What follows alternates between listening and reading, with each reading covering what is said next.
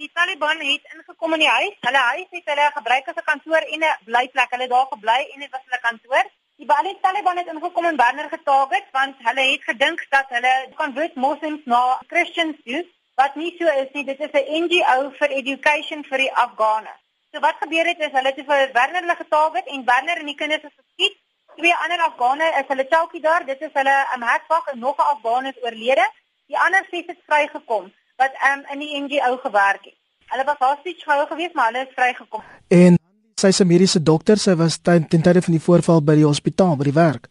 Sy was by die werk ja. Sy moes nie gister gewerk het nie, maar sy het gaan werk want daar was 'n noodgeval by die hospitaal. Ja, anders sou sy ook in die voorval um, weg gewees. En sy was vanoggend by die huis om te gaan kyk hoe dit gegaan. Sy was vanoggend by die huis. Die huis is afgebrand, daar's niks. Sy het vir my nie gesê Rihanna, ek het my honde, my katte, my man, my kinders, alles verloor, ek het niks. Sy sê al wat sy kon recover was een klein kleringstuk wat blykbaar in injampeer, dis die seentjie se kamer was. Sy sê verder is sy niks. Haar kaarte, haar bankkaarte, haar laptops, alles alles is weg. Dit was drie Taliban mense wat hulle disguised het in die vorm van polisie. En toe het hulle ingekom, die een was 'n selfmoordbommer en die ander twee het net begin skiet.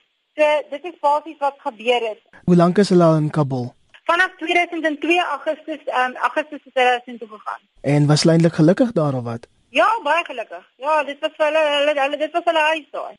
En het vir jou gesê wanneer sy wil terugkeer Suid-Afrika toe of sy wil terugkeer? Praat jy nou van nou, nou na die voorval? Ja, dis reg, ja. Weet jy, ons probeer met haar kontak maak om kyk te kyk wanneer kom sy uit, maar um, op hierdie stadium het ons nog nie inligting rondom wanneer sy uitkom.